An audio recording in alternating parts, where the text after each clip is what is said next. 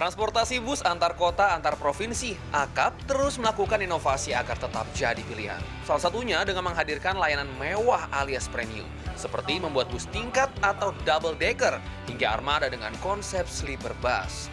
Ikatan Pengusaha Otobus Muda Indonesia (IPOMI) mencatat dalam dua tahun terakhir, termasuk di masa pandemi COVID-19, jumlah armada bus baik double decker maupun sleeper bus terus bertambah. Kini ada 12 perusahaan otobus yang memiliki armada bus tingkat. Dan 5 perusahaan mengusung konsep sleeper di armada busnya. Mayoritas bus dengan fasilitas premium ini beroperasi di Pulau Jawa, seiring sudah tersambungnya tol Trans Jawa dari Merak, Banten hingga Banyuwangi, Jawa Timur. Perusahaan-perusahaan otobus berlomba menawarkan fasilitas terbaik, mulai dari memasang jok bekas pesawat terbang, fasilitas audio dan video di tempat duduk, hingga kursi untuk tidur dengan beragam inovasinya. Sebelum jalan tol benar-benar terkoneksi, bus ini pilihan keempat. Pilihan pertama udara, pilihan kedua kereta, pilihan ketiga travel gelap, kami yang terakhir. Nah, hari ini kalau saya perhatikan, pesawat menjadi pilihan kelima, kereta menjadi pilihan keempat, ya kan?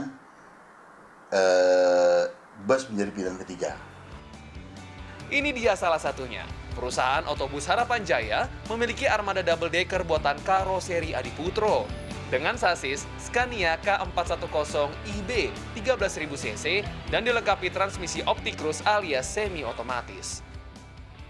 Di bus double decker ini ada dua seat khusus di lantai bawah bagian depan untuk tidur yang membuat kita serasa berada di hotel kapsul berjalan lengkap dengan fasilitas hiburan, termasuk bantal, guling hingga selimut. Bagi Anda yang ingin duduk di seat sleeper ini, tentu harga tiketnya sedikit lebih mahal dibandingkan dengan seat standar. Seat sleeper dipatok seharga Rp530.000 dan seat standarnya Rp410.000.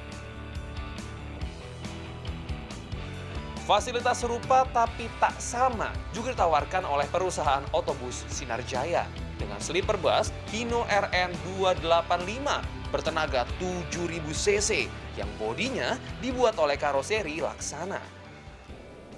Di tipe Sweet Class ini ada 21 tempat duduk yang tentunya penumpang bisa memilih untuk duduk di bawah atau duduk di atas. Kalau saya sepertinya lebih suka untuk duduk di atas. Untuk naik, kita bisa menggunakan pijakan ini tidak sulit.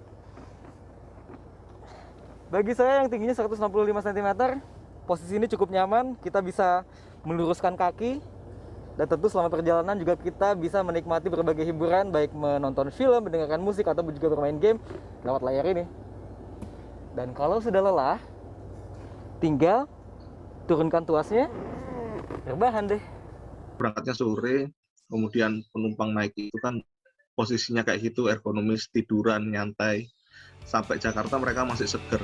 Di masa pandemi ini sejumlah perusahaan otobus juga memasang perangkat pendukung protokol kesehatan seperti air purification dilengkapi dengan monitor untuk memantau indeks kualitas udara dan partikel debu di dalam bus. Mardika Utama, Evan Askam, Jakarta.